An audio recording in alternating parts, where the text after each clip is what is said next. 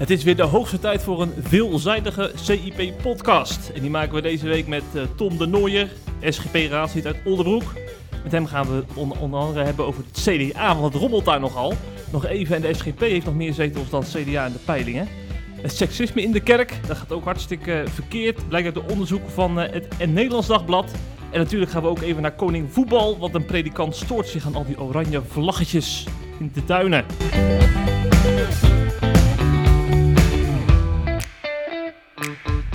Tom, heb jij al een oranje vlaggetje opgehangen?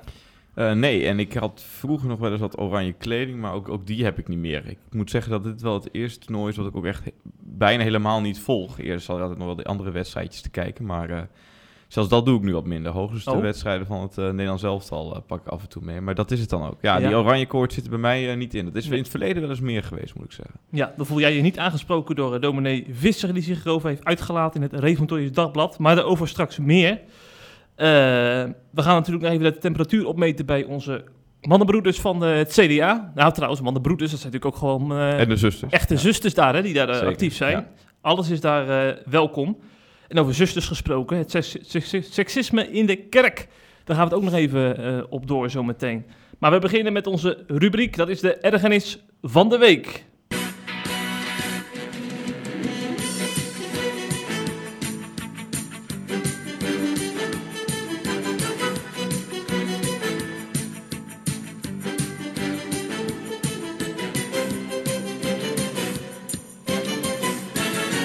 Jij kwam een berichtje tegen in de media waar jij je aan stoorde, Tom. Uh, nou ja, ik heb volgens mij de vorige podcast ook wel gezegd van ik probeer me zo min uh, mogelijk te ergeren, maar soms ontkom je er niet aan en dan uh, gaat, blijft het niet bij verwondering ja, alleen. Ja, over de vorige podcast heb je was die vorige week ook, hè? Nou, dat weten de luisteraars niet, uh, maar vorige week zat ik hier ook. Alleen toen is er iets verkeerd gegaan, want toen, toen hadden wij onder andere over een paar dezelfde onderwerpen ook wat opgenomen en toen kreeg ik ben ik s'avonds gebeld door jou en ik zei van, uh, staat hij er al op, Jeff? Dan, uh, dan deel ik hem even. Maar wat bleek toen? Jeff, zeg het maar. Hij was onzichtbaar, hij was niet opgenomen. Spoorloos verdwenen. Ja. Dus we zitten nu voor de, voor de tweede keer een korte tijd. Maar dit is de eerste podcast die de luisteraars van uh, meekrijgen. Ja. ja. Nou, maar we hebben wel mooi op het restaurant aan de, in, in een mooi restaurantje kunnen zitten vorige week. En dat was niet voor niks. En dat is ook wat waard. Het was heel erg gezellig. Dus nou. beste luisteraars, u hoeft ons niet zielig te vinden. Nee, nee, zeker. Het gaat nu goed. Maar die ergernis die jij uh, uh, hebt uh, voorbij zien komen in de media, daar gaan we eens even op door. Ja, ik, het is al een paar dagen oud, maar al een week geleden. Maar toen zag ik, de, dus dat, die ergernis had ik eigenlijk de vorige keer ook al meegenomen. Maar ik dacht, ik, kan, ik gooi hem er nu al in, want nu kan, hoort de luisteraar hem ook. En dat was toch dat er in Rotterdam is besloten dat de ChristenUnie uh, verder gaat zonder de SGP. En uh, dat was wel ja, op zijn minst nieuws, want de ChristenUnie en de SGP werken in Rotterdam al heel erg lang samen. En dat is volgens mij ook heel goed dat je probeert samen te werken tussen die twee christelijke partijen. Dat zien we op heel veel plekken in het land, heel veel gemeenteraden, ehm, maar ook in de provincie wel. En uh, maar je, je ziet nu eigenlijk een nieuwe trend. En dat is er toch eentje waar, ja, je kunt zeggen waar je aan ergert, maar die al op zijn minst zorgwekkend is volgens mij. En dat is dat de ChristenUnie en de SGP uh, steeds verder uit elkaar groeien. En dat daar steeds meer afstand tussen beiden is. Dat valt niet meer te ontkennen. Dat valt ook niet meer niet te zien. En uh, Rotterdam is ook niet de eerste plek waar dat gebeurt. In Amsterdam gaf de ChristenUnie eigenlijk al aan van ja, we willen niet met de SGP. Toen deed de SGP afzonderlijk mee in 2018. Um, in Noord-Holland hebben we het soort gelijk iets gehad. Daar deden ze ook samen mee. Ook nu niet meer. Nu doet, dus heeft de ChristenUnie ook besloten om alleen uh, verder te gaan. We hebben het Europees Parlement gehad, waar de ChristenUnie op een gegeven moment ook zei... de fractie waar we al heel erg lang in zaten, willen we opeens niet meer bij. Dat had toen ook te maken met uh, Forum voor Democratie. De SGP zei, nou, hebben we geen probleem mee. In een fractie kun je altijd uh, uh, samenwerken, want dat zijn heel los georganiseerde verbanden. Maar de ChristenUnie wil daar per se een stepen maken en daaruit gaan. Nu zitten ze in een knijte eurofiele fractie die precies het tegenovergestelde vindt van wat een verkiezingsprogramma zegt. Maar dat allemaal tezijde. Uh, maar de grote trend is er wel eentje die uh, me zorgen baart. Namelijk dat deze twee christelijke partijen steeds verder uit elkaar groeien. Maar je zegt dat de ChristenUnie steeds het initiatief neemt om... Uh, ja, dat klopt wel. Dat kun, ja? En dus ik, ik, ik ver, nou ja, je zou heel zwaar kunnen zeggen, ik verwijt dat. Maar ik kijk de ChristenUnie daar wel op aan. Het is telkens de ChristenUnie geweest die bij deze scheidingen daar het initiatief voor heeft genomen. Nu ook in Rotterdam. En uh, er worden er allemaal landelijke dingen bij gehaald. Landelijke onderwerpen, Forum voor Democratie, et cetera. Die dan, islam. Ja, islam, die ervoor zouden zorgen dat er lokaal niet meer samengewerkt kan worden. Allereerst, ik ben zelf ook gemeenteraadslid. Uh, in mijn eigen gemeente uh, wil ik het zoveel mogelijk hebben over lokale onderwerpen. Of het sociaal domein, subsidies, ga ze maar door. En daar heb ik niet te maken met wat ik nou voor een Forum voor Democratie vind. vind ik zelf. Dat zou niet de zaken moeten doen. Dus ik vind het aan de ene kant ook wel een beetje jammer dat er die argumenten daar eigenlijk bij worden gehaald. Volgens mij is dat helemaal niet nodig en mag je ook verschillend denken. Uh, dus dat vind ik heel erg uh, jammer. Maar, en ik, moet erbij opmerken dat, ik het, uh, dat deze breuk en deze, deze steeds groter wordende scheiding... Ja, ik, dat, dat kun je wel afschuiven op de ChristenUnie. Het is niet zo dat de SGP is veranderd qua standpunten. De dingen waar ze de SGP ook op aankijken... de Rotterdamse CU-SGP-fractievoorzitter, Tjalling Vonk ja, die haalt bijvoorbeeld ook uh, ons uh, LHBT-standpunt uh, over naar voren, de Nashville-verklaring. Maar dat zijn zaken die wij al 100 jaar, al meer dan 100 jaar vinden. Zolang onze partij oud is. En de ChristenUnie vond dat in een ver verleden ook. Alleen je ziet nu dus dat de ChristenUnie aan het schuiven is. Dat de ChristenUnie steeds verder afgaat van die tradi traditionele klassiek-christelijke noties die ze altijd hebben uitgedragen. De ChristenUnie was ook uh, tegenstander van het homohuwelijk. Maar nu zie je bijvoorbeeld intern al dat er een hele grote groep zegt, ook geondersteund door amendementen die worden ingediend op het CU-congres, van ja, wij zijn eigenlijk helemaal niet tegen het homohuwelijk. Dat zou ook, het huwelijk zou ook opengesteld moeten worden voor mensen van het gelijke geslacht. Dus de ChristenUnie wandelt eigenlijk weg bij de koers die ze ja, decennia lang hebben gevaren. Dat moeten we opmerken. En dat is nu helaas de reden dat er een steeds grotere scheiding is. Je moet opmerken, op heel veel plekken uh, gaat de samenwerking ook nog steeds wel goed. Uh, maar je ziet dus toch dat het begint te wringen op steeds meer plaatsen. En dat, dat baart zorgen en dat geeft wel te denken al. En mm. ik vind de, de ChristenUnie, let op, van waar, waar ga je nou naartoe? Waarom neem je nou zo afstand? Waarom, wat geeft het... Wat zegt het je dat je eigenlijk niet meer met zo'n traditioneel christelijke partij als de SGP opeens overweg kunt? Dat geeft wel aan en dat geeft wel te denken, vind ik. Ik, ik ben het ook niet altijd eens met de ChristenUnie, maar ik bepleit wel voor samenwerken, omdat het nog steeds onze ideologische bondgenoten zijn.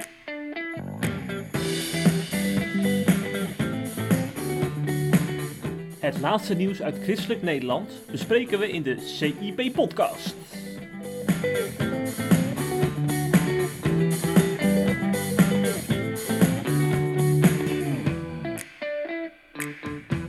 En met Tom gaan wij onze nieuwsberichten bespreken. En we beginnen uh, bij dominee Visser, een predikant van de christelijk gereformeerde kerken.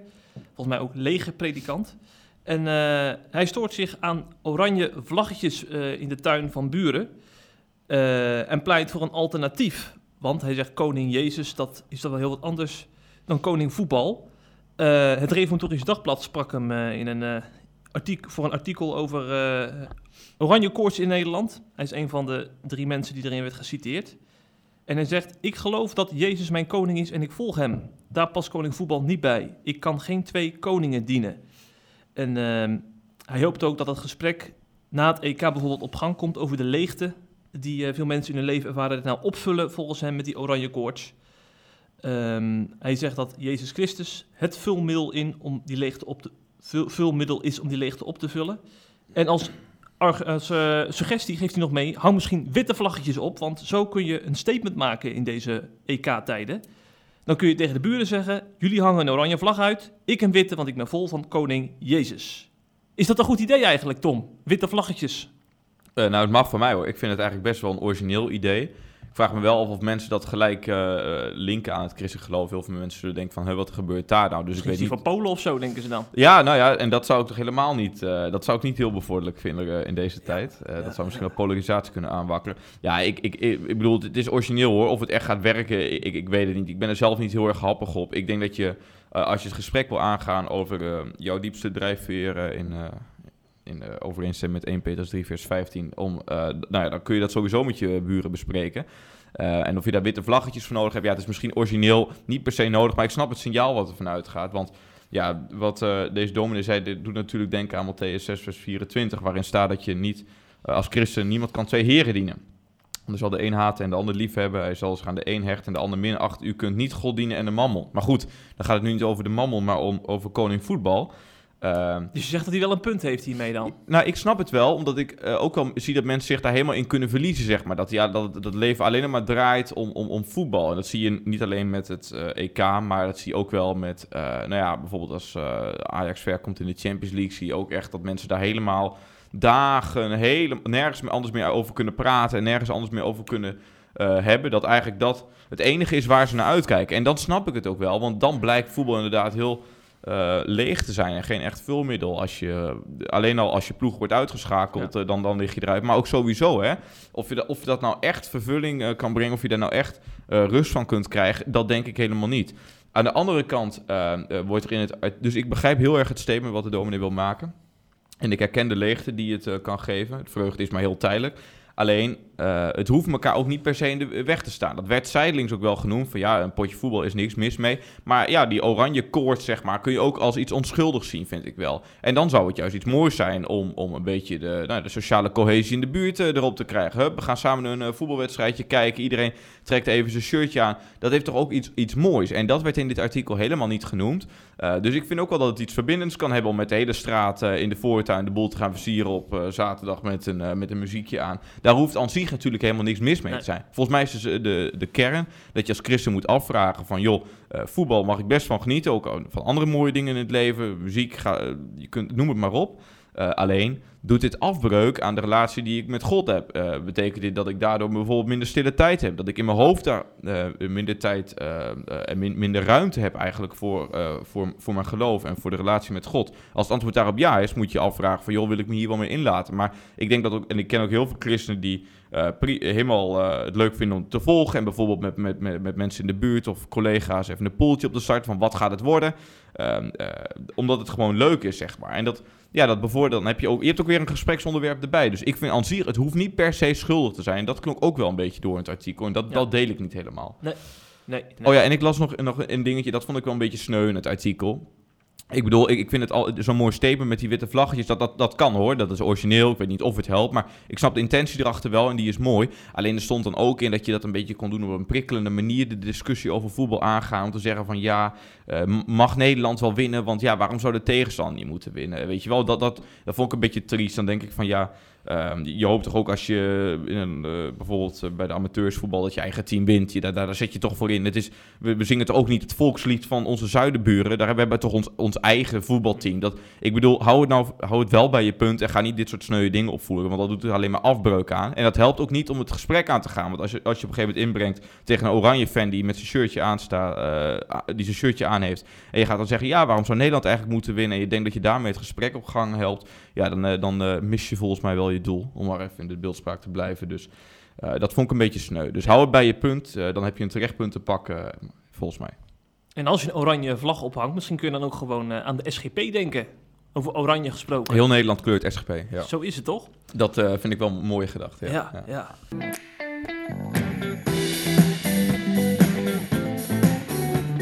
Is het CDA nog wel een christelijke partij? We bespreken het met Tom de Nooier in de CIP-podcast.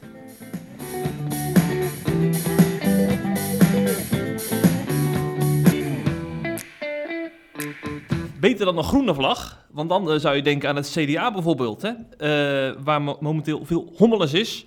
Ja. Ik weet niet of jij de peiling van Maurice de Hond hebt gezien, uh, Tom, afgelopen zondag. Ik, ja. ik schrok me rot, joh. Nou ja, het was natuurlijk wel ergens te verwachten. Maar uh, zes ja. zetels zijn we wel heel weinig voor. Nou, dat voor... is dus gewoon minder dan de Partij voor de Dieren. En eentje meer dan die uh, boerenpartij van Caroline. Ja, ja. Dat is toch ongelooflijk? Dat is echt ongelooflijk. En dat is wel een aardverschuiving als je bedenkt dat het CDA in vroegere tijden gewoon gerust 50 zetels binnensleept. En dat ook wel een soort van constante factor was.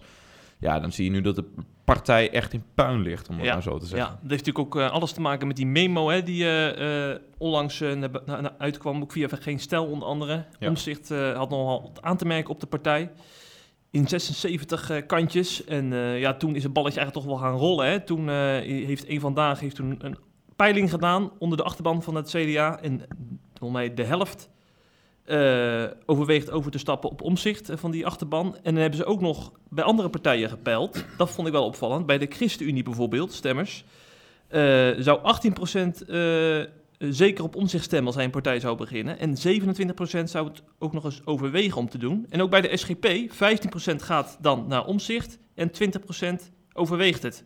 Dat vind ik nogal een aantal hoor. Ja. Schrik jij daar nou van als SGP'er? Um, nou, de, je ziet gewoon dat de potentie... Nee, nee, want ik, je ziet gewoon dat de potentie voor omzicht heel groot is. En dat heeft volgens mij te maken met uh, het thema wat hij helemaal naar zich toe heeft getrokken. En dat is volgens mij heel populair. Ja, je bedoelt uh, de toeslagenaffaire? Ja, en dat, dat je eigenlijk dus... Wat, wat mooie, het unique selling point van omzicht is volgens mij dat hij binnen een kabinet durft, het lef heeft en daar ook, um, ondanks dat hij daar kritiek op krijgt binnen zijn eigen partij, gewoon doorgaat om het op te nemen voor het algemeen belang. En thema's als macht en tegenmacht, bestuurscultuur, ehm, eh, de overheid dienend eh, voor, voor, als, als, als dienend orgaan voor de mensen. Een, dienende overheid dus, dat hij dat allemaal durft aan te snijden. En dat durft hij binnen de coalitie doen. En ik erger me altijd groen en geel aan eigenlijk vrijwel alle eh, CDA- en VVD-Kamerleden. Want ja, die zijn at the end altijd gehoorzaam aan. Die, die leggen nooit echt het vuur aan de schenen van een eigen kabinet. Ik kan bijvoorbeeld helemaal erg. Nou, ik eens één voorbeeld noemen. Ik kan het letterlijk bijna allemaal bij langs gaan. Maar zo'n Bente Becker, weet je wel, van de VVD. Die moet dan heel erg migratiekritische praatjes houden. En dan eh, zie je weer het zoveelste artikel in de Telegraaf. Maar uiteindelijk wordt er, stemt ze continu in met het geblunder van haar eigen VVD-staatssecretaris Anke Broekers-Knol. Die werkelijk overal een puin op van heeft gemaakt als het gaat om migratie. En dan zie je dan dus kritische dingen in de media. Dat zie je vaak in de politiek. Heel veel bombardie. En eh, ze stellen wat vragen voor de vorm. Maar uiteindelijk zijn ze niet echt kritisch. En, eh, gaan, en, en, en, helpen ze, en, en bijten ze niet echt door. Omzicht doet dat wel. Die zit in de Tweede Kamer gewoon zijn, eh, zijn eigen kabinet af te fakkelen als het gewoon niet goed is. Ja. Waarom doet hij dat? Hij vindt niet de partij of, of, of het kabinet leidend. Hij vindt het algemeen belang leidend. Eh, en dat, en dat vind ik het mooie aan omzicht. En ehm, eh, eh, Maar heel- is het, is het ook niet een beetje een frame? Want ik, eh, ik hoor Segers hoorde ik ook afgelopen maanden voortdurend over die nieuwe bestuurscultuur. En hij heeft natuurlijk ook niet voor niks eh, Rutte heel boos gemaakt dat hij niet met hem in zee wilde gaan in eerste instantie. Omdat hij ook die nieuwe bestuurscultuur per se wilde zonder hem in, eh, toen nog. Ja, het is helemaal een hype nu geworden en dan neemt iedereen het wel over. Dat snap ik wel. Maar wie is degene die daarover begon? En wie was degene die, ehm, ehm, eh, die het eigen kabinet kritisch durfde te bevragen? Het had over de positie van de Kamer, over artikel 68 van de grondwet uit mijn hoofd, over de informatiepositie van de Kamer. Omzicht was degene die er continu ehm, eh, eh, op, op hamerde. En heel veel andere partijen hadden het toen daar nog niet over. En je ziet ook best wel dat er nu, nu we even iets verder zijn, kritische geluiden zijn over omzicht intern van partij die dan zeggen... ja, het draait toch niet om omzicht, het draait toch om het CDA. Ja, die mensen hebben het dus gewoon niet begrepen. Dat zijn dus de partijbobo's die er helemaal naast zitten. Want als je dus denkt dat alleen de partij leidend is... omzicht proberen het algemeen belang te dienen. Volgens mij is dat een veel hoger doel dan, eh, d- dan de partij. Ehm, en ja... Het zal niet, eh, politiek de- zou er niet om moeten draaien om je eigen kabinet het wind uit, uit te zetten. Of, of tenminste in de luwte te houden en dus buiten schot te houden. Volgens mij moet je juist als parlementariër je taak heel serieus nemen. Je hebt drie taken. Je hebt het eh, volk vertegenwoordigen, je hebt het kabinet controleren en wetgevende macht. En bij ons zie je heel nadrukkelijk dat hij de, de controlerende functie van de Kamer, dus het kritisch bevragen van zijn eigen kabinet, heel serieus nam. Uh, dus ja, ik vind juist dat we achter omzicht uh, moeten staan in deze. En hem uh, in, in, in de gaten moeten houden waar hij mee komt. Want zijn politieke toekomst is nog onzeker. Ja, nu nog met een burn-out voorlopig thuis. Ja, en ik, ik, wens natuurlijk beterschap. Het, het, zou natuurlijk wel kunnen dat het uiteindelijk omzicht ook... Uh, dat is nu niet populair eigenlijk om te zeggen. Dus misschien maken we niet heel populair mee. Maar het zou ook kunnen dat het uit omzicht uiteindelijk een hype blijkt. En wat bedoel ik daarmee? Als hij zometeen zijn eigen partij heeft... en hij heeft maar een paar minuten spreektijd als, als afsplitser... Ja, ja dan uh, wordt het... Um, um, dan wordt het heel erg uh, zeg maar, wat hij kan brengen. Dan heeft hij weinig ondersteuning meer. Wat ik uiteindelijk hoop, wat ik net dus ook zei, hè, waar die kracht zat van omzicht, dus binnen een coalitie uh, te, te, opereren als Kamerlid. Ik hoop uiteindelijk dat er gewoon weer een lijnpoging komt met het CDA. Uh, dat het CDA er met hem weer boven, uh, bovenop komt. Want het CDA kan om zich niet eens missen, man. Ze hebben geen enkel ander kritisch Kamerlid. Dus uh, het zal voor om zich beter zijn voor zijn positie binnen de partij, waar hij ook altijd, wil ik wel benoemen, altijd loyaal aan is geweest. Sinds 2002 zit hij volgens mij in de Kamer. Hij heeft zich altijd loyaal aan zijn eigen partij op te, opgesteld. Dus ik vind al die partijbobo's nu, nu allemaal dingen aan omzicht verwijten, vind ik volstrekt onterecht. Want hij is oneindig loyaal geweest. En hij is juist door interne tegenstanders hij er nu uitgewerkt. Dus ik hoop dat hij uiteindelijk weer terug kan komen bij het CDA. En dat ze dan weer uh, in harmonie verder gaan. Maar of het zal gebeuren, ik, ik, ik heb er wel een hard hoofd in. Ja. Wat er dus ook zou kunnen gebeuren, is dat er dus inderdaad een nieuwe partij ontstaat. En opiniemaker Cor Verkade, jou niet onbekend om, die was bij Family 7 vorige week. Uh, om toe te lichten waarom hij dat een prachtig idee zou vinden. Hij zegt, hè, de SGP draagt natuurlijk een warm hart toe met een mooi geluid, zegt hij. De ChristenUnie vindt hij wat te linksig. En hij denkt dat de uh, omzicht met de nieuwe partij daar precies tussenin kan zitten... en een nieuw gat in de christelijke markt zou kunnen vinden. Ben je dat met hem eens? niet per se, maar het zou kunnen. Dus uh, wat je ziet bij Omzicht, hij, heeft, hij week niet inhoudelijk af van het CDA. Hij had een bepaald thema naar zich toe getrokken. Hè? Dat was die, die toeslagenaffaire en dat was de bestuurscultuur die ja. daarmee samenhing. Maar hij stemde nooit afwijkend in de Kamer, voor zover ik weet. Dus hij was niet inhoudelijk anders dan het CDA. Dus je kunt je ook afvragen op het moment dat hij een eigen partij op, zou oprichten... Of die er wel heel erg anders komt uit te zien. Uh, dan, CDA Light wordt het dan misschien? Ja, gewoon een soort CDA met een, een, een, focus misschien op, op zijn onderwerp. Maar of het inhoudelijk verschillend is, weet ik niet. En ja, je hebt natuurlijk... Uh, ja, ik, ik, ik zou het liever ook hebben dat je één grote conservatieve partij in Nederland hebt. Misschien een, soort seculiere variant. Want ik, ik, ik blijf christelijke politiek belangrijker vinden dan conservatieve politiek. Maar dat tezijde. Um, maar ja, de conservatieven zitten heel versplinterd. Die zitten deels bij uh, het CDA nog, die zitten bij de SGP heel nadrukkelijk, die zitten nog bij Forum voor Democratie en bij Ja 21. En een gedeeltelijk nog misschien bij de ChristenUnie als je wat linkse inslag hebt. Maar that's it. Dus dat is best wel uh, versplinten. Dus ik vraag me af of er nou zo'n brede conservatieve partij uh, nog bij moet komen. Of dat je dan de versplintering nog verder aanjaagt. Kijk, als Omtzigt nou een unique selling point had met een heel erg een thema waarbij hij afweek van de, de, de, de, de, visies van alle andere partijen. Maar dat is niet eens het geval. Hij stemde altijd zoals het CDA deed. Dus uh, ik denk niet per se dat dat nog inhoudelijk veel uit zal maken. Maar je ziet wel dat, dat zie je bijvoorbeeld bij zo'n boer-burgerbeweging, die trekken één thema helemaal naar zich toe. Ehm, en die gaan daarop focussen. En daar is ook misschien wel markt voor. Want ja, het is uiteindelijk ook heel erg uh, anti-revolutionair wat om zich doet. Hè? Het opnemen voor de kleine luiden als het ware. Ja, dat, dat, is, dat is wel prachtig en een nieuw uh, belangrijk thema, denk ik. Dus misschien zou die kunnen scoren op het thema wat hij aangrijpt. Maar ik denk niet op zijn afwijkende standpunten. Ja, ja. Dus laten we nog even inzoomen op het CDA. Want uh, de vraag is natuurlijk of het CDA nog wel bestaansrecht heeft dat die discussie is nu gaande. En in het Reformatorisch Dagblad liet CSL Jansen, voormalig hoofdredacteur van het RD... en een invloedrijke stem in de Reformgezinte, liet daarin zijn stem horen. En het bekende geluid liet hij eigenlijk horen, hè, wat weet je ook vaak in de RD-achterban hoort... dat het CDA is geseculariseerd, hè, dat het christelijke geluid erin ontbreekt. Ik citeer hem eventjes. De machtspositie van het CDA is voorbij en op principieel gevoelige zaken hoef je het niet van het CDA meer te verwachten. Of het nu abortus betreft, of homoseksualiteit, of vrijheid van onderwijs. Dat is onmiskenbaar een verlies, zegt hij, dat het CDA er nu voor, zo bij staat. Uh, is het CDA geen christelijke partij meer? Dat is nu de vraag. De, dat uh, kun je volgens mij inderdaad zeker wel stellen. Ja, ik, ben het, uh, ik heb het artikel ook gelezen en ik ben het er eigenlijk wel mee eens. Uh, en dat is heel erg triest, want ik had het in het begin van deze podcast al over dat de ChristenUnie aan het wegwandelen was van, uh, nou ja, denk ik de kern waar ze, of tenminste standpunten waar ze altijd voor gestaan hebben, dat het aan het glijden is. Maar bij het CDA is het natuurlijk uh, nog harder op de glijbaan gegaan en zijn ze nog verder afgedreven. Het, het, het, CDA was natuurlijk officieel een christendemocratische partij, hè? Dus dat is wat anders dan een christelijke partij, zou je Wat is het verschil? Nou, een christelijke partij, dat, dat zou je kunnen zien als de ChristenUnie en de SGP. Dat zijn partijen die waar mensen ook aanspreekbaar zijn op de Bijbel. Waar de Bijbel het hoogste gezag heeft. En dat vind ik persoonlijk heel belangrijk. Uh, want ik ben christen, dat betekent dat ik in mijn dagelijks leven uh, me, me, wil laten leiden door wat Gods woord mij voorschrijft. Want ik geloof dat het goed is uh, voor mij, dat ik daarmee best op mijn recht kom. Maar in de politiek geldt dat ook. Dus ik, wil, ik vind het opeens gek om te zeggen als christen, nou in de politiek, nou dan heb ik ook andere uitgangspunten en dan is dit en dit leidend. Nee, ik vind dan is de Bijbel ook leidend. De Bijbel zegt heel veel over de politiek. De Bijbel zegt heel veel over de samenleving. Dus ik denk dat die noties het belangrijkste fundament zijn wat je, wat je kunt hebben. En dat ook dat, dat je daarop beroepbaar bent. Dat je mensen daarop mogen aanspreken. Maar dat is binnen het CDA niet zo. In de statuten staat al de Heilige Schrift, dus daar wordt erbij al mee bedoeld, is een richtsnoer. Dus ja, dat laten we ons door inspireren, wordt gezegd. Uh, maar dat, uh, dus dat is al heel anders dan een christelijke partij. Maar in de praktijk zie je dat het nog veel verder is teruggezakt. Er wordt bijna niet meer verwezen naar de Bijbel. Je ziet de fractievoorzitter van de Tweede Kamer, Pieter Heerma, is een agnost. Uh, partijleider Hoekstra zegt... Uh, ja, Raymond Strand die zegt zelf, ik hoop dat God bestaat. Hij is er allemaal niet zo zeker van. Ze hebben een islamitisch Tweede Kamerlid.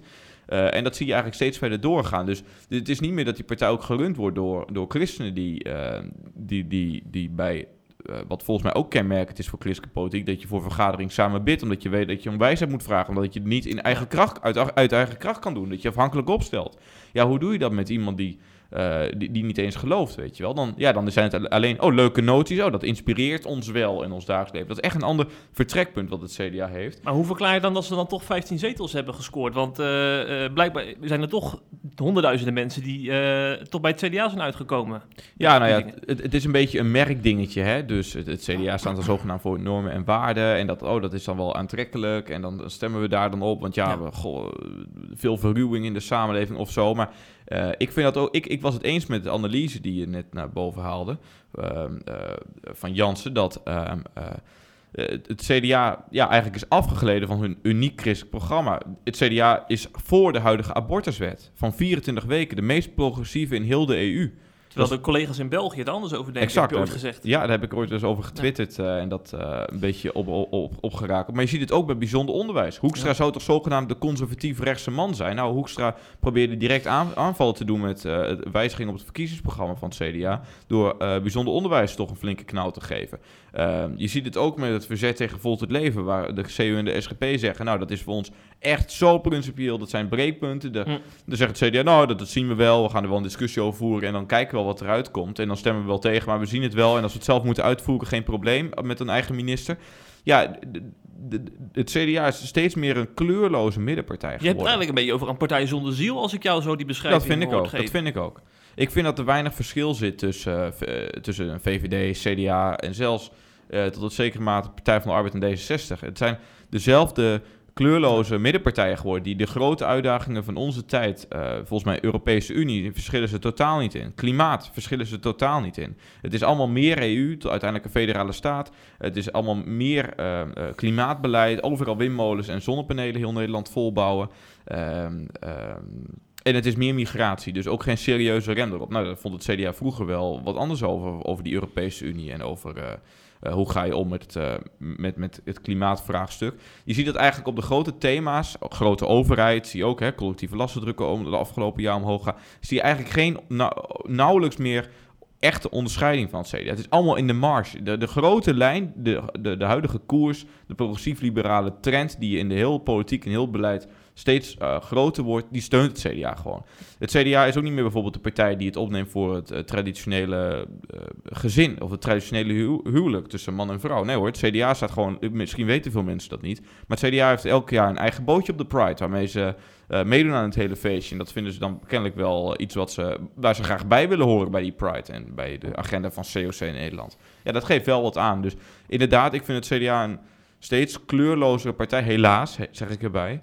Ehm, eh, ja, zonder ziel zou je dan eigenlijk ook wel kunnen zeggen. Dus dan is het niet verwonderlijk dat je opeens knalt van 16 naar eh 6 zetels. Want ja, De als je, ja. nee, dat, dat vind ik dan niet verwonderlijk. Want dan ben je ook afhang, dan ben je ook, word je ook steeds meer ten prooi gesteld aan de, aan de grillen van de dagelijkse politiek, aan de waan van de dag. En ik denk dat een SGP en ChristenUnie dat om die reden, omdat ze anders zijn, ook veel minder hebben. Ja. Desondanks zei SGP-leider eh, Kees van der Staaij vorig jaar dat eh, CDA behoort tot de meest natuurlijke bondgenoten van de SGP samen met de CU. Beg- Begrijp je dan zo'n uitspraak dan eigenlijk wel? Ja, zeker, dat begrijp ik wel. Dus ehm, eh, het CDA heeft nog altijd de C in de naam staan, heeft nog altijd deze statuten. Dus je hoopt toch, en ook, ehm, eh, kijk, ik heb het over de, de koers van de partij. Maar binnen die partij zijn best ook nog wel een paar krachten. Het zijn er helaas steeds minder, maar ik, ik denk ook iemand die nu recent uit de ka- Kamer is gegaan, Martijn van Helvoet. Dat, die liet zich echt voorstaan op zijn eh, christelijk geloof. En die wilde dat ook echt door laten klinken in zijn politiek werk. Ehm, die zijn er nog wel. Dus omdat je daar ook een beroep op kunt doen, omdat zij die C in de, in de, in de partijnaam hebben, omdat ze dit in de statuut hebben staan, kun je misschien onderling wel daar een soort van beroep op doen, één op één. Maar de partij aan zich eh, lijkt daar steeds meer doof voor te zijn. Dus Ja. ehm, ik snap dat Kees van der Staaij het zegt, alleen eh, ik ben het er ook mee eens. We, zouden dat ook, we moeten het ook niet loslaten van, oh, het CDA is toch niet meer te redden. Nee, spreek ze aan op een, eh, op een, op een ideologie. Spreek ze aan op een christendemocratische stroming. Ehm, alleen, je ziet helaas wel dat het steeds minder wordt. Mhm. Ja. Ik maak me wel een beetje zorgen over de toekomst van de christelijke politiek. Want als je nou in de peiling die zetels van eh, die drie christelijke partijen optelt. Ja, Als je het CDA heb je dan nog? Ja, als je het CDA dus rekent, hè, als, als, Ja, als christelijke precies. Dat partij. er nog een twijfelgeval voor anders sta je gewoon stabiel op acht zetels, eh, Ja. de vorige keer en nu ook. Ehm, de- dus ja, en de, de vraag christelijke politiek, ja. Eh, als, als christelijke politiek dus niet meer betekent dat je bij het CDA, dus dat, dat je niet meer ehm, eh, per se aanspreekbaar hoeft te zijn op de Bijbel, maar dat het een leuke inspiratie is. Ja, even om een steen in te gooien. Maar dan is Forum voor Democratie heeft het toch ook telkens over onze christelijke beschaving. Heeft het toch ook onze, over onze christelijke cultuur en onze christelijke feestdagen, et cetera. Dus ehm, ja, en dan kun je zeggen, ja, Baudet is geen christen. Maar dan kun je zeggen, bij het CDA zijn ook heel veel mensen geen christen meer. Dus wat is dan nog echt christelijke politiek? Hè? Ik heb er wel een beeld bij, voor de ChristenUnie en de SGP. Maar daarna wordt het echt zoeken. En wat onderscheidt dan het CDA's nog van, eh, van FVD? Ik zie ook heel veel christenen bij, eh, bij Forum of, of bij Ja21 zitten. Ja, uh, Ver, Ver- Verwij bijvoorbeeld bij Ja21. Ja, dan denk ik van, eh, misschien moet je daar, als je het hebt over christelijke normen en waarden binnen de politiek uitdragen, niet meer exclusief kijken naar het CDA, maar ook andere partijen die eh, eh, het daarover hebben. Ja. We gaan naar een onderzoek in het Nederlands Dagblad. Weer een heel ander onderwerp, want het ND heeft 300 vrouwen gesproken, voorgangers. En van die vrouwen heeft 9 op de 10 te maken met seksisme. Dat zijn schokkende cijfers. En wie het hele onderzoek erbij neemt, zal nog veel meer schrikken over opmerkingen die voorbij komen. Ook van collega-voorgangers hebben vrouwen regelmatig last van. Meer dan de helft van de vrouwelijke voorgangers krijgt ongewenste opmerkingen over kleding of uiterlijk.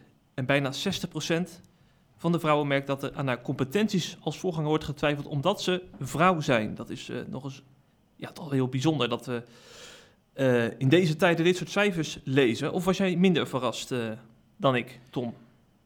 Um, nee, misschien had ik het wel verwacht, maar ik, ik, je wordt er dan wel op gewezen dat het echt een, wel een vervelend fenomeen is. Want, ja. um, en nu zie je het zwart op wit, hè? Sorry? Nu zie je het zwart op Ja, omdat zo'n enquête is verstuurd. Inderdaad, dus het, het, brengt het wel zeg maar aan het licht.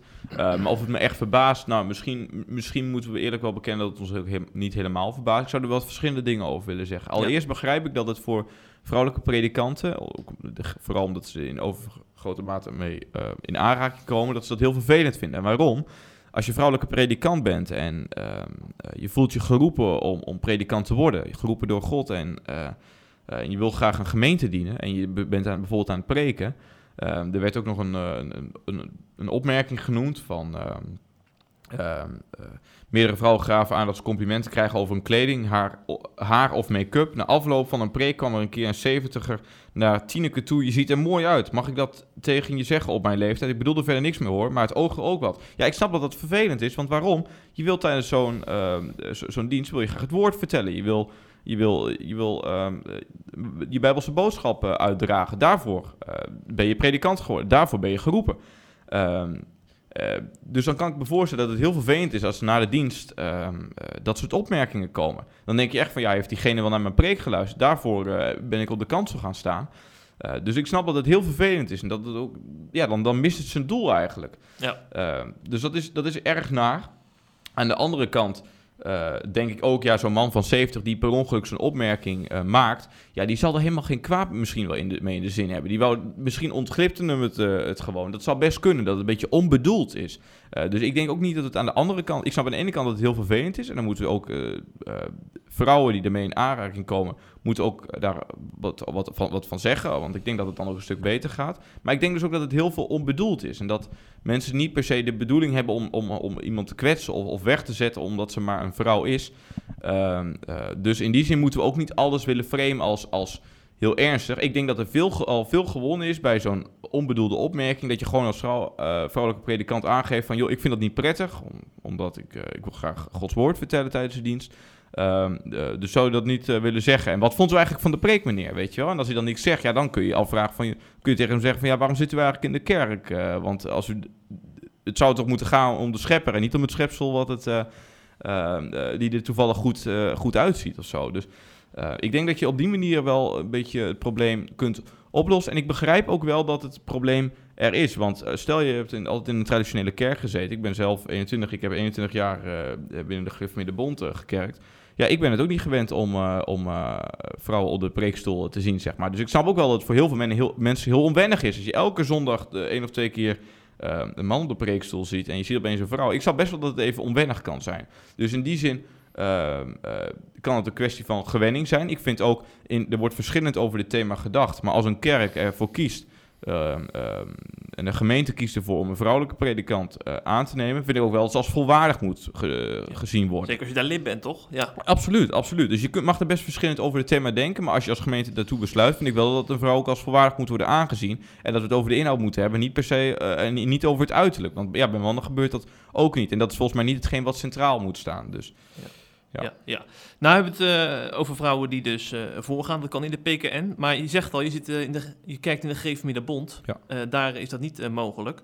En nou is dus de vraag, want dat, die werd opgeworpen bij Radio 1. Daar zat, hoe heet zij ook alweer, Rolinka. Ja. Rolinka Klein-Kranenburg, dat is een dominee in de PKN. Die zat er om te vertellen dat ze het toch wel heel lastig vindt dat er ook kansels zijn waarop ze niet welkom is. Ook dus in de PKN. En bij mij kwam het gesprek over, zeker toen Tom Mikkers zich ermee bemoeide, een uh, opiniemaker die remonstrant is, dat het dus ook seksistisch is als je vrouwen weigert om uh, principiële redenen, omdat je bijvoorbeeld anders de Bijbel leest. Is dat dan ook seksisme? Ja, daar vind ik nee. En ik vind dat daar de discussie dus doorschiet. Ik neem, aan de ene kant neem ik het probleem heel uh, serieus. Vind ik het heel vervelend voor vrouwelijke predikanten en draag ik wel dingen aan waarvan ik denk, nou, dat zou kunnen helpen om het, om het te verminderen, om het op te lossen in een bepaalde mate. Maar dit vind ik dus doorschieten. Want dit gaat niet meer over dat vrouwen vervelende opmerkingen krijgen. Dit gaat erover, waar zij op doelde in die uitzending. Ik heb het ook gekeken bij Dit is de Zondag op Radio 1. Uh, dat gemeentes een andere visie hebben op de, op de vrouw in het ambt. En de vrouw die voorgaat in de gemeente. Sommige gemeenten, ook binnen de PKN, vooral de Gereformeerde Bond, uh, die doen het ook nadrukkelijk niet. En dat is bijbels onderbouwd. Dat is een bijbelse discussie. En dat gaat echt over het geweten. Van, van vind je dit uh, op basis van Gods woord, wat het hoogste gezag heeft in je leven, wil je dit wel of niet kunnen. En dat vind ik niet dat we dat weg moeten zetten uh, als seksisme. En daar zie je ook dat de discussie echt vervelend wordt. En, en, en, want zij zegt van ja, er zou eigenlijk geen ruimte ik, moeten zijn binnen de PKN. Dat zei ze letterlijk voor gemeenten die er anders tegenover staan. Ja, daar, daar, daar kun je echt niet mee komen aanzitten bij de Gereformeerde. En ik vind dat ook wel. Uh, waarom zou je die vrijheid niet bieden? Daar wordt bijbels gezien anders over gedacht. Uh, ik vind het dan heel erg bezwaarlijk dat er op deze manier over wordt gesproken en er eigenlijk de discussie doorslaat om vervelende opmerkingen, dat soort nieuws maar aan te grijpen. Om te zeggen, nou dan moet de PKN ook maar gelijk zorgen dat een bepaalde visie, dat is echt wat anders dan vervelende opmerking of dingen die je echt moet aan moet pakken, uh, dat die bepaalde visie niet uitgedragen meer mag worden. Dat is een, visie die heel lang leidend is geweest in Nederland. Um, uh, ook binnen, de, binnen, de christelijke, binnen het christelijk geloof, binnen de christelijke gemeenten die, die er al, al, al eeuwen zijn. Uh, of nog veel langer natuurlijk, als je helemaal teruggaat. Uh, ik vind niet dat je daar op deze manier mee moet afrekenen. Dat je daar ook wel een bepaalde uh, vrijheid aan moet geven. Want heel veel mensen herkennen zich er niet in, denk ik, op het moment dat jij je visie op deze manier gaat afdwingen. Het getuigt ook van weinig, weinig kennis van zaken. Hè? Want als die mensen dus vaker bij de Gereformeerde Bondsgemeenten zouden kijken... of bij Hersteld Vormde Kerken of zo... Dan, dan zal je ook snel zien dat vrouwen daar echt wel volwaardig worden be behandeld. Alleen dan zijn ze bijvoorbeeld... Uh, voor de, voor de zondagsvereniging, uh, voor, voor de kinderclub zijn ze bezig. Of ze ja. hebben andere, op de achtergrond zijn ze meer bezig, weet je wel. Maar ja. ik heb nog nooit een kerk gezien waarbij er echt in tweede rangs burgers werd gedacht als het om vrouwen gaat. Nee, want ik... dat zou heel kwalijk zijn. Maar inderdaad, wat je zegt, dat klopt volgens mij helemaal. Vrouwen hebben een volwaardige positie ja. uh, binnen de kerk. Alleen, we, we, geloven, de traditionele kerken, en ik sluit me ook aan bij die, bij die visie, hebben een andere visie op de roeping van de vrouw als, als, Rolink, als Rolinka dat stelde. Uh, en je ziet ook binnen die kerk dat er volledige common sense over is. Ik ken uh, weinig uh, mensen binnen de hersteld hervormde kerk die anders denken over de plek van de vrouw binnen de gemeente. Ja. Je ziet in de Geefmeerde Bond wel verschuivingen trouwens. Hoor. Ja, die zie je wel. Dus uh, Geefmeerde Bond is natuurlijk ook best wel divers. Ja, maar in, in de reformatorische hoek, maar ook laten we gewoon ook gewoon de geruste rechtse kant van de Geefmeerde Bond erbij pakken. Ja. Daar is wel gewoon, daar is, binnen mijn kerk wordt daar helemaal niet over gediscussieerd. En ik heb aan de ene kant ook best wel een, nou, een van onze wijken binnen de hervormde kerk in Oldenbroek uh, zit misschien ook wel een beetje tegen de gereformeerde kerk aan, waar dit soort zaken heel erg anders liggen. Maar binnen onze eigen wijk is er eigenlijk helemaal geen discussie over. In ieder geval niet aan de oppervlakte. Er zullen best wel gemeenteleden zijn die er anders over denken. Maar het is niet zo dat het onze kerk nou uh, een heel heftige discussie is. Dus ik vind ook, als je dan als van bovenaf maar eens even gaat zeggen... nou, ik vind dat jullie het niet zo mogen doen... ja, dat vind ik echt verkeerd. Dus dat, ook omdat er in de gemeente best wel omdat je anders deze discussie veel meer op scherp zet dan het eigenlijk nodig is. Want het gaat nu op, in heel veel gemeenten ook prima zo. En terwijl die ook een conservatieve visie hierop nahouden. Ja. Maar we moeten wel met het onderzoek, want de cijfers blijven natuurlijk schokkend. Uh, ik hoorde jou duidelijk niet zeggen dat de, de, oplossing is om dan alle vrouwen op de kansels toe te laten. Nee. Wat is dan wel de oplossing? Nou, ik denk dus dat, omdat er heel veel onbedoeld, wat ik al zei, voor veel mensen onwennig, misschien glipt het eruit, dat je gewoon, uh, zeker ook als je nieuw bent als vrouwelijke predikant, gewoon aangeeft van uh, beste mensen, of het misschien gewoon in het begin een keer noemen van, ik ben uw eerste vrouwelijke predikant in uw gemeente. Uh, ik vind het fijn dat ik uh, hier mag zijn u mag dienen. Uh, ik weet dat ik een vrouw ben, dat het voor sommigen misschien wennen is, maar probeer me gewoon volwaardig te behandelen. Ik denk dat dat heel veel, voor heel veel mensen ook een soort trick of een soort van dat je daar alert op wordt van, oh ja, inderdaad, want ik, ik, het is misschien een beetje onwennig, maar ik ga ook echt mijn best doen om haar als volwaardig te zien. Dat helpt dat je daar van tevoren over nadenkt, zeg maar. En durf het ook gewoon gerust te benoemen, dus als vrouwelijke predikant. En als je toch die opmerking krijgt, sta dan als vrouw ook je mannetje, om maar zo te zeggen. En en uh, durft er ook wat van te zeggen. Maar ik, het is natuurlijk een illusie om te denken dat het helemaal zal verdwijnen. Dat zal het niet. Uh, conservatieve mensen, of mensen die de conservatieve visie over de plaats van de vrouw in de gemeente aanhangen, zullen misschien ook zeggen van ja, Dat is misschien wel inherent aan vrouwen op, op de kansel. Daarom is het juist niet de bedoeling. Eh, valt misschien in zekere mate nog wel wat eh, voor te zeggen. Maar ik denk door, door het te benoemen eh, en het daardoor eens eerlijk over te hebben, dat dur- durven aan te stippen, dat je er dus eigenlijk een stap voor kunt zijn, dat, dat seksisme. Dus Ja. Wij gaan als CIP nog deze week in gesprek met de Rolinka Klein-Kranenburg. Want wij waren toch al getriggerd door haar uitspraken bij Radio 1. Heb jij misschien een prikkelende vraag voor haar die we mee kunnen nemen deze week? Ehm, nou, om dus even aan te sluiten bij dat zij zei van binnen de PKN moet er dus eigenlijk gewoon geen ruimte zijn. Dat zei ze letterlijk. Ja, dat om, zei om, ze. om, eh, om, om de traditionele visie op de plaats van de vrouw binnen de gemeente uit te dragen. Wat denkt zij nou zelf wat zij teweeg brengt, teweeg brengt binnen die gereformeerde bond? Wat denkt, u, wat denk je nou zelf eh, eh, hoe die gemeente hierop gaat reageren? Denk je nou niet dat je een discussie onnodig aanwakkert? En denk je nou echt dat heel veel mensen hierop zitten te wachten? Ook vrouwen denk ik niet. Heel veel vrouwen hangen gewoon die conservatieve, traditionele visie aan. Wat, wat win je daarmee om kerken die er zelf voor kiezen om het niet te doen, om die te, te dwingen als PKN? Dat gaat ook heel erg in eh, tegen wat hervormde kerken willen. Die willen toch ook een beetje hun eigen eh, nou ja, gedeelte houden binnen de PKN, binnen de, met de gereformeerde bond. Kom van, van Alblasserdam is het volgens mij allemaal op terug te voeren in 2004. Eh, maar wat denk je nou wat je teweeg brengt? Ik denk dat je alleen maar meer mee verliest dan dat je ermee wint. Ja, goede En je aanvulling. lo- lost ook geen seksisme, seksisme in op, Nee. mee op in die gemeente. Dus, en dat is het lastige. dus je mist ook je doel. Het Ja. is echt een paardenmiddel. Het ging volgens mij 10 minuten bij Radio 1. Ging het, ging het echt over de, dat vrouwen op alle kansels welkom moeten zijn. Terwijl het hele onderzoek, ja, volgens mij eh, is dat niet het uitgangspunt geweest daarvan. Dat, is niet, dat seksisme is niet gebaseerd op eh, of je wel of niet dominee mag worden. Maar het gaat puur over die opmerkingen. Ja. Daar moet het over gaan, toch? Exact. Ja, nee, hou het dus daar ook bij. En probeer dat aan te pakken. Dan ben je volgens mij ver bezig. Eigenlijk zou ik eh, een, jij nou een prijs moeten geven, Tom. Want eh, zoals je weet was jij genomineerd Ja. een paar weken geleden voor de Nobelprijs Gezond Verstand. Eh, jij was denk ik nogal verrast toen Ja, je dat tegenkwam. ja dat, ik kreeg het eh, doorgestuurd inderdaad van, eh, van iemand. Ehm, eh, ik kan de naam wel noemen, Ingrid Seppelwold stuurde het door. En eh, ik dacht van, hé, dat daar sta ik gewoon tussen, joh. Ja. Dus ik wil allereerst eh SIP nog bedanken voor, eh, voor de nominatie voor de Gezond Verstand Nobelprijs voor Christenen. Maar eh, Een ludieke prijs natuurlijk. Ja, uiteraard. eh, eh, vanwege de coronacrisis, waarin ik een had geen trofee verwacht vandaag, hoor. Maar, eh, bij de VN ook gewoon, weet je wel. ja, ja. Nee, maar Eh, in die coronatijd eh, is ons opgevallen dat een aantal christenen zich nogal eh heeft laten horen in de media met een eh, nuchtere, eh, gezond geluid. eh, die een hoofd koel hielden, noemen wij dat, noemden wij dat dan in dat artikel.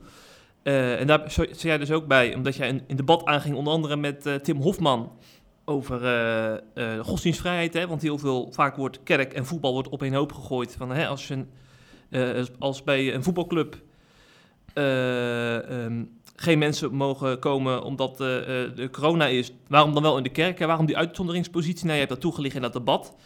En zoals je ook bijvoorbeeld Anne Bork kent, een pastor die eh, wees op de psychische schade hè, van de coronamaatregelen, die daar heel vanuit de inhoud heel erg goed een debat over aanging. Die hebben we ook genomineerd bijvoorbeeld.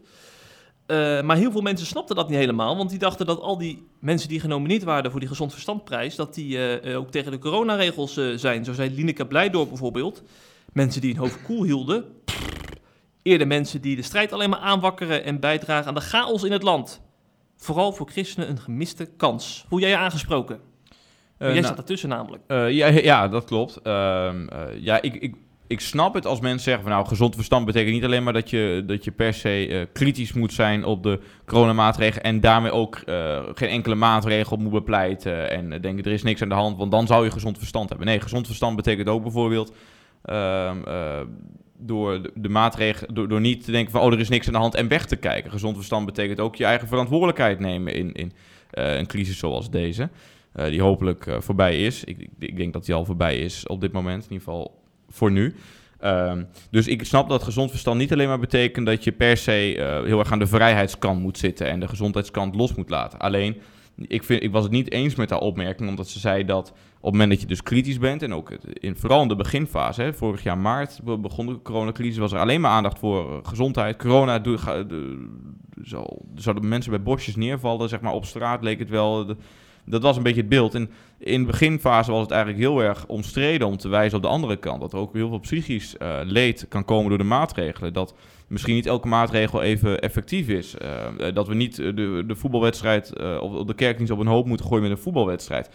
Ehm, eh, en dat, dat, dat ontbrak een beetje. Dus ik snap wel heel goed dat SIP het heeft gedaan. En ik vind ook dat er ruimte moet zijn, ook in de crisistijd, ook in de eh, coronatijd, om een, de andere kant van het verhaal te belichten. Eén, dat is alleen maar goed voor het debat. En omdat de framen, zoals Lineke eh, deed eh, met... Ja, dat wakkert de strijd alleen maar aan en daarbij aan chaos. Volgens mij alle mensen die genoemd werden, alle mensen eh, in dat artikel, dus Henrike van der Pol, eh dominee van Renen, ik, ik zal mezelf er voor het gemak on- ook onderscharen. Dan hebben we trouwens drie van de vijf waren Oldebroekers. Ja, ja, ja, ja. Dus het geeft wel wat aan. Dominee Uitslag en eh, Anne Boer-Kent. Volgens mij hebben die allemaal dat op inhoud willen doen. Ja. Hebben die allemaal inhoudelijke argumenten aangedragen. En daar moet ruimte voor zijn. En eh, die ruimte werd in het begin eigenlijk door de publieke opinie eigenlijk amper verdragen. Want het was allemaal, we moeten allemaal heilig nu eh, de, de maatregelen eh, bejubelen. En dit is allemaal per se goed, want de overheid zegt het nu even. Dus nee, dus dat is absoluut volgens mij niet het geval. En ik, ik prijs al die mensen die erop staan wel om eh, dat zij dat verhaal durven denken, ook al was dat in die tijd niet populair. En dat moeten ze ook kunnen, ook in een situatie, en dat is niet de strijd aanwakken. Dat is gewoon inhoudelijk het gesprek willen voeren om op die manier verder te komen. Ja, ja. Om nog even eentje uit te leggen, vond ik ook wel een leuke. Die zei al in het begin van de crisis eh, dat hij dat zo raar vond. Hè. Die heeft, heeft een, een- best wel een grote kerk op Urk, de Emanese kerk. Nou, in het begin van de crisis was iedereen ervan overtuigd, zeg maar, die de publieke opinie napraten, van je mag maximaal 30 mensen toelaten. Maakt niet uit hoe groot je gebouw is. Ja. En hij ging natuurlijk tegenin en we dachten, dat is toch raar, want ik, eh, bij mij kunnen ze dan wel, kunnen ze wel 5 meter afstand houden en met eh, 200 man zitten. Ja, Dus eh, toen hebben we hem daarover geïnterviewd. En, we- en op Facebook, ik schrok er gewoon van. Hij werd echt als een, als een wappie werd hij weggezet. Van, eh, je mag niet meer dan 30 mensen toelaten, dominee. ja bizar. Terwijl Ja. je gewoon pleit om de eredienst, wat volgens mij ontzettend belangrijk is. eh, onderdeel is ook van het beleid van je christelijk geloof, dat je dat als samen kunt doen als gemeente. Dat je dan wordt weggezet als wappie en, en, en als ja, die is niet goed wijs en je bent gevaarlijk bezig. Terwijl hij gewoon rationeel erop wees van ja, 30 mensen is ontzettend weinig, wij doen het bij meer. Want dat kan gewoon. Want ja, wat is de logica erachter dat je met 30 mensen in ook units van kerk... Dat heb ik toen ook gezegd bij op één en in de discussies waar ik me er een Ja. beetje tegenaan bemoeide. Ehm, dat kan gewoon heel prima. En het is, is ik heb, toen was er nog helemaal geen sprake van maatwerk. En nu, nu gaan de maatregelen een beetje af, dus is het hopelijk helemaal niet meer van toepassing.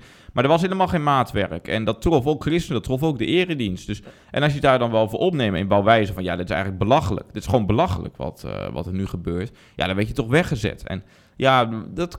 Ook met terugwerkende kracht, hè, als je er nu op terugkijkt, zou je wel moeten denken van, eh, ook voor mensen die, die misschien in de comments eh, de dominee uitslag hebben uitgemaakt voor Wappie, en als iemand die niet goed bij zijn hoofd is, ehm, sta je daar nog steeds achter? En wat, wat, wat zegt het jou dat je eigenlijk toen dat daarover zei? Vind je nou niet meer dat je meer kritisch had mogen zijn en dat het op zijn minst op het moment dat het op inhoud gaat een eerlijke stem binnen het debat mag zijn? Ja. Hoe volgzaam moet je zomaar zijn? Of moet je ook je eigen gezond verstand gebruiken? Volgens mij is dat heel gezond om, om niet blind de overheid te volgen, wel gehoorzaam te zijn, maar niet blind te volgen.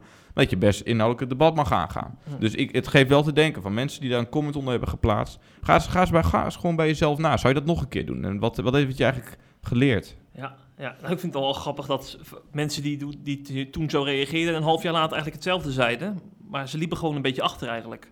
Ja, Ja, precies. Ja, nee, Toen was het wel normaal om die kritiek te uiten. Exact, toen was het wel geaccepteerd. En dat is dus ook wa- waarom, nou, vooral zo'n, eh, ik, ik heb best wel veel respect ook voor de inhoud die Anne bekend bracht. Ja, in het begin was het niet populair, maar om het dan te doen en toch tegen die common sense in te gaan, Ja. dat is knap hoor. Heb je ook wel lef eh, voor nodig. Zeker Weet je, dat is een beetje misschien wat overkoepelende thema van deze eh, podcast. Hetzelfde als je bij zo'n Pieter Omtzigt ook een beetje lef ziet, weet je wel. Dat, dat, dat kun je misschien achteraf nog wat meer waarderen dan op het moment zelf. Vind je hem eerst maar lastig en denk je achteraf, hij, hij had het durf toch maar. Hij stond, er, hij stond er ergens voor, weet je wel. Hij was ergens van overtuigd en heeft het gewoon netjes, maar wel met overtuiging proberen uit te dragen. Ja, Dat mag gewoon meer gewaardeerd worden. O- ook als je bijvoorbeeld een andere visie hebt. Als je juist aan de andere kant zit van het eh corona-verhaal en meer zit op de gezondheid. Eh gezondheidskant en misschien nog wel meer dan de overheid heeft gedaan. Als je maar, op inhou- als je maar inhoudelijk eh, uitdraagt, kun je volgens mij altijd debat aangaan. Dat is altijd goed. inderdaad de podcast van de, de mensen met lef, hè. Inderdaad, Ja. om zich, maar ook dominee. Visser die geen oranje vlaggetjes ophangt. Dat is ook lef hebben in deze EK-tijden. Dat is ook niet eh, ge- geaccepteerd hè, als je in een, oranje straat zit. Dus, dat weet je, en ook je hoeft het dan nog niet eens per se overal in elk detail mee eens te zijn. Maar ik, ik kan het wel waarderen dat mensen nog ergens voor Ja. staan in plaats van verdwijnende grijze massa. En eh, ja, de podcast van Lef. Ja, Zo is het. mensen met Lef. En Tom, nou hoop ik van ganser harte dat deze podcast niet van mijn eh, apparaatje verdwijnt. En dat hij ook terug te beluisteren is. Want dat is natuurlijk onze grote vrees nu, hè? Ja, nee, het ga- als u hem kunt luisteren, mensen, is het allemaal gelukt en dan eh, zijn we blij. Ja, Mooi. En eh, Dat betekent, als het gelukt is, dat we ook volgende week weer een podcast hebben natuurlijk. En dan hoopt Patrick Simons hier weer te zijn. Hij is vandaag vrij, want ja, Patrick heeft wel last van oranje koorts. Kijk. Hij zit in zijn oranje t-shirt, zit al een paar dagen bij te komen van die 3-0 overwinning. Op, eh, Oh nee, dat was gisteren trouwens. Jazeker. Noord-Macedonië. Ja. Ja, weet je, ik heb die wedstrijd dus helemaal niet gezien, hè? ik had ook fractievergadering in de tweede helft. Dus ik, eh, ik, moest, ik haastte me snel naar het gemeentehuis. Ja, Ja. ja, ja. ja, ik dacht dat het om 9 uur begon, maar ze begon om 6 uur. Zes uur al. Ja, dus toen hadden ze al drie keer gescoord toen ik wilde inschakelen. Een paar keer al, ja. En aanstaande zondag is de achtste finale. Hè? Dan eh, Ja. speelt Nederland tegen een nog onbekende tegenstander. We gaan het zien. En we hebben de volgende week vast over met Patrick. Wees er dan bij. De volgende podcast.